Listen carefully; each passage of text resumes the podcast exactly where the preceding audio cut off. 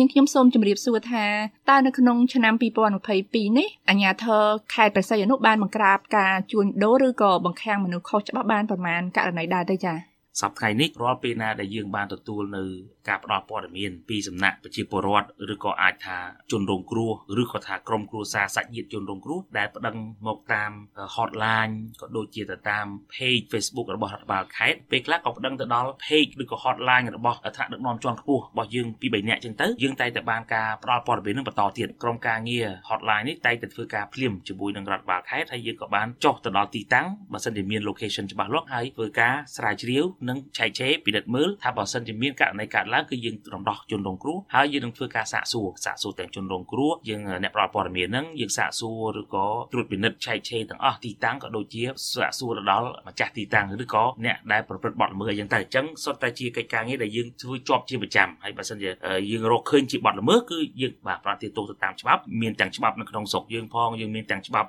អន្តរប្រវេសន៍ទៀតក្នុងករណីដែលជនបរទេសនោះគាត់ប្រព្រឹត្តបទល្មើសធ្ងន់ធ្ងរក៏យើងចប់ពីគាត់ទទួលទោសហើយគាត់ត្រូវតែបណ្ដេញចេញអីជាដើមចឹងប៉ុន្តែដោយឡែកនៅក្នុងរយៈពេលប្រហែលថ្ងៃចុងក្រោយនេះខ្ញុំគិតថាសាធារណជននឹងអាចបានឮឃើញទៅតាមបណ្ដាញសង្គមក៏ដូចជាសារព័ត៌មានអំពីយុទ្ធនាការនៃការចោះទៅបង្ក្រាបឆែកឆេរទៅដល់ទីតាំងមួយចំនួននៅក្នុងខេត្តបរសៀនុដែលអះអាងថាជាទីតាំងដែលមានករណីនៃការជួញដូរមនុស្សការប្រខាំងមនុស្សធ្វើការខុសច្បាប់អីជាដើមហ្នឹងវាស្របពេលជាមួយនឹងការណែនាំរបស់សម្ដេចក្លាហោមឧបនាយករដ្ឋមន្ត្រីដើម្បីឲ្យកម្លាំងទាំងសមត្ថកិច្ចគណៈវិជាការឯកភាពរដ្ឋបាលខេត្តរួមទាំងជាមួយនឹងនគរបាលអន្តរប្រវេសន៍ដើម្បីចុះធ្វើអធិការកិច្ចឆែកឆេរអត្តសញ្ញាណរបស់ជនបរទេសជាយុទ្ធនាការទូទាំងប្រទេសលើកលែងតែទៅដល់អ្នកការទូតបរទេសអញ្ចឹងសម្រាប់ខេត្តបរសេនុយើងគឺស្របពេលជាមួយគ្នានឹងដែរហើយយើងក៏ធ្វើទាំងវិធានការរដ្ឋបាលផងដែរដើម្បីឆែកឆេរត្រួតពិនិត្យតាំងពីទីតាំងទាំងអស់នោះនៅខិតអនុញ្ញាតផ្សេងផ្សេងក៏ដូចជាការបងពុនអីត្រឹមត្រូវអញ្ចឹងទៅអញ្ចឹងវាជាករណីដែលយើងអាចឃើញថាមួយរយៈប្រហែលថ្ងៃចុងក្រោយនេះហាក់ដូចជាច្រើនដោយសារនៅពេលដែលយើងបានទទួលព័ត៌មានបានផងនឹងការណែនាំពីក្រសួងផងដែលស្គៀងក៏ចុះត្រួតពិនិត្យជុំគ្នាតែម្ដងมันអាចឆ្លើយជូនបានថាប្រមាណករណីទេប៉ុន្តែគាត់ថានៅពេលដែលយើងធ្វើការបង្ក្រាបឬក៏ចុះឆែកឆេរកិច្ចការងារទៅតាមទីតាំងទាំងអស់ហ្នឹងគឺយើងកំពុងតែធ្វើការសាកសួរហើយនឹងឲ្យផ្ដល់ឱកាសឲ្យបង្ហាញនៅឯកសារអីបញ្ជាក់អីផ្សេងផ្សេងដើម្បីយើងធ្វើការតាមដានដូច្នេះសម្រាប់ទីតាំងបានចំនួនប៉ុន្មានខ្ញុំមិនទាន់អាចឆ្លើយជូនបានទេ បើប្រៀបធៀបពីឆ្នាំកន្លងមកនឹង2022នេះតើការជួញដូរមនុស្សឬក៏បង្ខាំងមនុស្សខុសច្បាប់នៅក្នុងខេត្តព្រះសីហនុនឹងមានការកើនឡើងឬក៏យ៉ាងណាដែរទៅលោកចា៎ សម្រាប់ឆ្នាំ2022នេះបើប្រៀបធៀបនឹងឆ្នាំ2021ឬក៏ប្រៀបធៀបទៅឆ្នាំ2020យើងអាចឃើញថាបទល្មើសឬរួមផ្សំជាមួយនឹងបទឧក្រិដ្ឋមួយចំនួនគឺ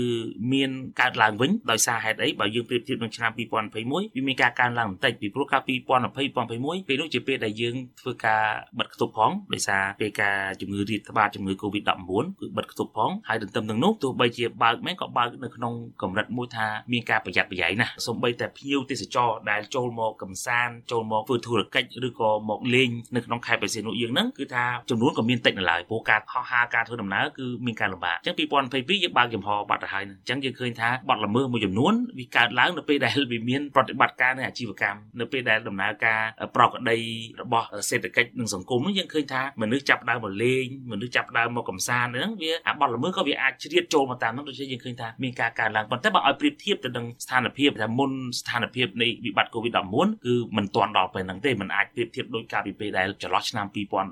ដល់2019បានទេបាទ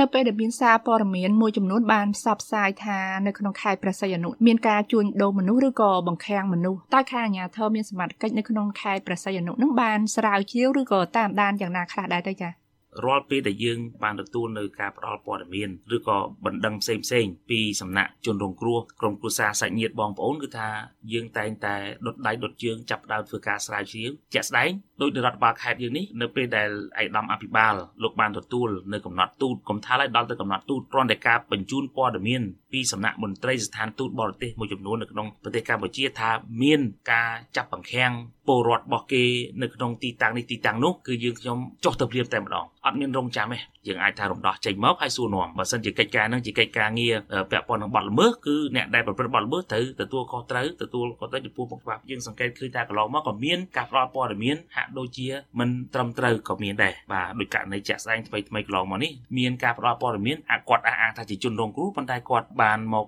ប្តឹងផ្ដល់ហើយបញ្ជាក់ថាគេចាប់ប្រខាំងគាត់ហើយគេរៀបយកគាត់ទៅណាទៅដីចឹងទៅហើយរហូតដល់កម្លាំងសមត្ថកិច្ចចុះទៅភ្លាមហើយករណីនេះមិនមែនមានមួយមានច្រើនដងតដល់ពេលបានសួរនាំទៅបានទើបដឹងថាមិនមែនជាការចាប់ប្រខាំងមនុស្សខុសច្បាប់ទេប៉ុន្តែបងប្អូនខ្លះហ្នឹងគឺបានជាប់កិច្ចសន្យាការងារជាមួយនឹងគេតដល់ពេលគាត់ធ្វើការទៅគាត់ចង់ឈប់គេអត់ឲ្យគាត់ឈប់ពីព្រោះជាប់កិច្ចសន្យានៅឡើយអញ្ចឹងដើម្បីឲ្យគាត់អាចបានចេញបានគាត់ត្រូវតែអះអាងថាគេចាប់ប្រខាំងគាត់ដោយខុសច្បាប់អញ្ចឹងករណីនេះគឺជាករណីដែលមិនតិចទេកន្លងមកអាចអះអាងបានថាក្នុងចំណោមព័ត៌មានដែលយើងទទួលបាន100ប៉ុន្តែព័ត៌មានដែលយើងថាมันអាច យកចំណាត់ការបាននេះគឺប្រមាណជា30ទៅ40%បាត់ទៅហើយកន្លងមកពេលដែលយើងធ្វើការសាកសួរជនរងគ្រោះនៅពេលដែលយើងរំដោះគាត់ហើយគឺគាត់ពិតជាចាញ់បោកគេមែនហើយគាត់ចាញ់បោកគឺគាត់ចាញ់បោកពីតាមមេខ្យល់បាទតាមភ្នាក់ងារដែលសន្យាថាឲ្យការងារគាត់ធ្វើហើយពលរដ្ឋបរទេសខ្លះគាត់ឮសូរថាបានប្រាក់ខែច្រើនគាត់សុខចិត្តបោកតែគាត់ច្បាប់បានតែមិនគាត់ចាញ់បោកគេហើយទៅហើយអញ្ចឹងមេខ្យល់ហ្នឹងភ្នាក់ងារផ្ដល់ការងារធ្វើមួយចំនួនហ្នឹងជួនកាលអត់មាននៅក្នុងប្រទេសកម្ពុជាគឺនៅពេលដែលសាកសួរទៅដល់ជនរងគ្រោះហ្នឹងគាត់ថាគឺគាត់ចាញ់បោកគេទៅតាមរយៈនៅពេលដែលគេផ្សព្វផ្សាយតាមបណ្ដាញសង្គមហើយបណ្ដាញសង្គមខ្លះប្រកាសអីហើយចាប់អស់យកលុយយកកាក់គាត់ហើយចាប់អស់បិទគណៈនេះបិទអីរត់ចោលបាត់ទៅហើយការជួញដូរកម្លាំងពលកម្មមួយទៀតដែរគឺជាការជួញដូរកម្លាំងពលកម្មពីមួយកន្លែងទៅមួយកន្លែងជួនកាលកន្លែងគាត់នឹងអស់ការងារធ្វើអញ្ចឹងគាត់បកគលទៅឲ្យកន្លែងដទៃទៀតឬក៏យើងអាចនិយាយបានថាបច្ចុប្បន្ននេះកង្វះពលកម្មដែរអញ្ចឹងនៅពេលកង្វះពលកម្មថៅកែហ្នឹងគាត់ពីមួយកន្លែងទៅមួយកន្លែងគាត់រុញឲ្យគ្នាដោយអត់មានការយល់ព្រមពីម្ចាស់ខ្លួនអានេះគឺខុសច្បាប់ហើយវាខុសច្បាប់ការងារអញ្ចឹងសុទ្ធតែវាជារូបភាពក្រមរូបភាពបែបហ្នឹងវិលមកវិញយើងតែងតែធ្វើការសហការគ្នាជាមួយនឹងបណ្ដាស្ថានទូតបរទេសទៅមិនចេញជាវិធានការទប់ស្កាត់ព្យាយាមអប់រំផ្សព្វផ្សាយពលរដ្ឋគាត់ផងមុននឹងមកបញ្យល់អំពីហានិភ័យនៃការដែលគាត់ធ្វើការខុសច្បាប់រួមទាំងសូមឲ្យមានការចាត់វិធានការទាំងជាមួយនឹងសហការជាមួយនឹងកម្លាំងនគរបាលអន្តរប្រវេសន៍នៅក្នុងប្រទេសកម្ពុជាជាដើមនៅពេលដែលពួកគាត់មកដល់ត្រូវជួយពិនិត្យឯកសារគ្នាថាបើមកធ្វើការនៅក្នុងខេត្តបរសេនុសូមមើលកិច្ចសន្យាការងារសូមមើលអាសយដ្ឋានទៅទៅយើងក៏ត្រាទុកទៅងាយស្រួលក្នុងការតាមដាននិងត្រួតពិនិត្យដែរបាទដូច្នេះការដែលយើងសួរនាំបែបនេះនិងវិធានការចំនួននេះខ្ញុំគិតថាយ៉ាងហោចណាស់ក៏បានចូលរួមចំណែកក្នុងការទប់ស្កាត់នៅបទល្មើសដែលកើតឡើងបានដែរ ហើយនឹងជាពិសេសគឺការសហការរបស់គាត់ជាមួយនឹង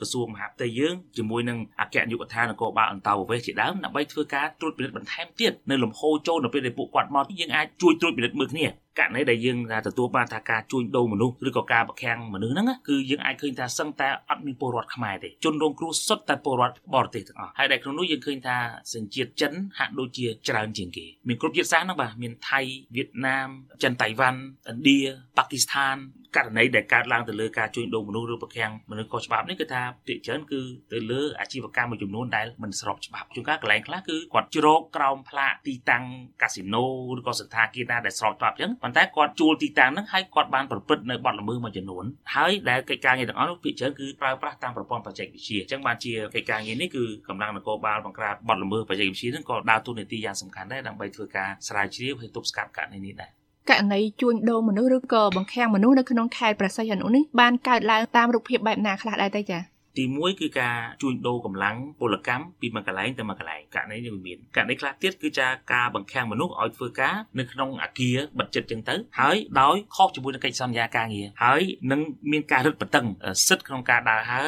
របស់ជនបរទេសមួយចំនួនឬក៏ថាជនរងគ្រោះមួយចំនួនហ្នឹងដែលកិច្ចការងារទាំងអស់ហើយដែលយើងបាននឹងកំពុងតែសាកស្រាំក្នុងការធ្វើបប្រតិបត្តិការបង្ក្រាបនេះឯងបាទ ការបង្ក្រាបការជួញដូរមនុស្សឬក៏បង្ខាំងមនុស្សនៅក្នុងខេត្តព្រះសីហនុនោះខាងអាជ្ញាធរនឹងជួបការលំបាកអ្វីខ្លះដែរទេចា៎ កិច្ចការងារនេះគឺទី1គឺជាកិច្ចការងារដែលពិបាកក្នុងការធ្វើការស្រាវជ្រាវដែរពេលខ្លះដោយសារជាកិច្ចការងារដែលគាត់ធ្វើដោយខុសច្បាប់ហើយជាបទល្មើសដែលគាត់ប្រព្រឹត្តជ្រោកនៅក្រោមទីតាំងដែលស្របច្បាប់មួយអញ្ចឹងគាត់ទៅយកទីតាំងទាំងនោះដើម្បីយកទៅប្រព្រឹត្តបទល្មើសមួយចំនួនយើងមិនអាចទៅធ្វើការឆែកឆេរត្រួតពិនិត្យចុះប្រប៉ះទីតាំងដែលគេប្រកបអាជីវកម្មទៅទៅបើមួយថ្ងៃមួយថ្ងៃឃើញតែពីដើរចូលឆែកគេតើនេះជាការបង្កការរំខានដល់ការវិនិយោគការរកស៊ីរបស់គេដែរឬអត់នេះវាជាបញ្ហាមួយដែរប៉ុន្តែយើងមានវិធានការក្នុងការដោះស្រាយបញ្ហាហ្នឹងដែរការលំបាកផ្សេងទៀតគឺ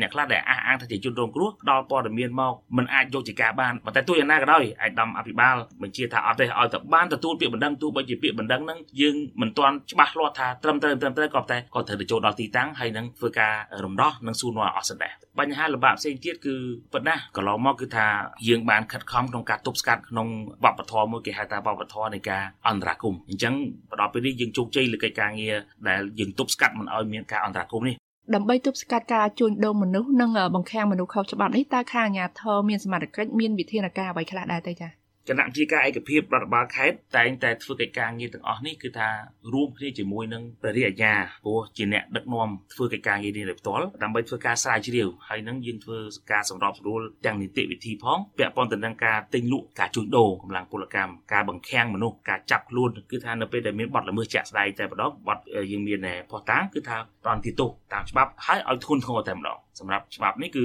យើងអនុវត្តទាំងអស់ដូចខ្ញុំបានជំរាបចឹងមានទាំងនីតិវិធីអន្តរប្រវេសក្នុងការបណ្ដេញចេញនិងអាចឈានដល់ការធ្វើ blacklist មិនឲ្យជននោះត្រឡប់មកប្រទេសកម្ពុជាវិញផងដូចគ្នាចឹងដែរសម្រាប់ទីតាំងដែលជនល្មើសប្រើប្រាស់សម្រាប់ការទិញលក់កម្លាំងពលកម្មហ្នឹងការជួញដូរនិងការបង្ខាំងមនុស្សខុសច្បាប់គឺត្រូវបិទអាជីវកម្មចឹងតែម្ដងហើយរួមទាំងម្ចាស់ទីតាំងបើសិនជាម្ចាស់ទីតាំងអនុញ្ញាតឲ្យធ្វើយកទីតាំងដើម្បីទៅធ្វើអំពើខុសច្បាប់ហ្នឹងយើងអាចចាត់ទុកថាជាករណីដែលអាចចូលរូបសំកំណត់ដែរអញ្ចឹងវាអាស្រ័យទៅលើគេហៅថាធាតុផ្សំនៃបទល្មើសត្រូវយកបបពិនិត្យហើយនឹងប្រំទីទោសតាមច្បាប់ឲ្យបានធ្ងន់ធ្ងរហើយអត់មានការលើកលែង ជុំវិញស្ថានភាពជួញដូរមនុស្សហើយនឹងការបង្ខាំងមនុស្សខុសច្បាប់នេះលោកមានអ្វីចង់បន្ថែមទៀតទេចា៎ ក៏ចង់សាសុំឲ្យប្រជាពលរដ្ឋទាំងអស់ជាពិសេសទាំងបរទេសទាំងជនជាតិខ្មែរគឺថាសូមឲ្យមានការប្រុងប្រយ័ត្ននៅពេលដែលយើងបានទទួលនៅព័ត៌មាននៅបានទទួលបាននៅការប្រកាសរកការងារធ្វើនេះសូមពិនិត្យឲ្យបានត្រឹមត្រូវបាទថាតើជាប្រភេទការងារបែបណាត្រូវសួរនាំមកអស់បាទហើយជៀសវាងឲ្យបានដាច់ខាតនៅការចូលរួមធ្វើការនៅក្នុងទីតាំងដែលមិនស្របច្បាប់យើងអាចមានសិទ្ធិសួរគេថាតើកន្លែងដែលចង់ឲ្យខ្ញុំទៅធ្វើការហ្នឹងទៅធ្វើអីគេហើយតើទីតាំងនោះកន្លែងនោះឬក៏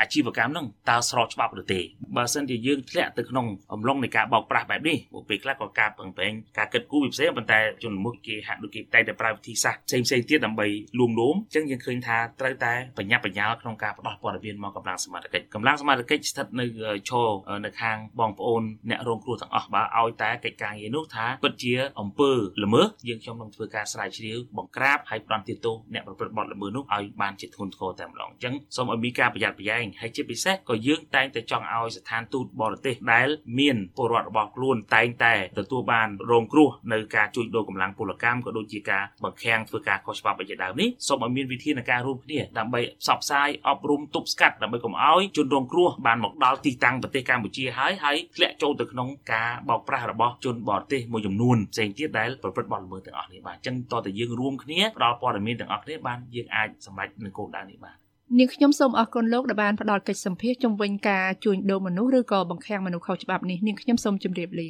បាទសូមអរគុណសូមជម្រាបលាបាទ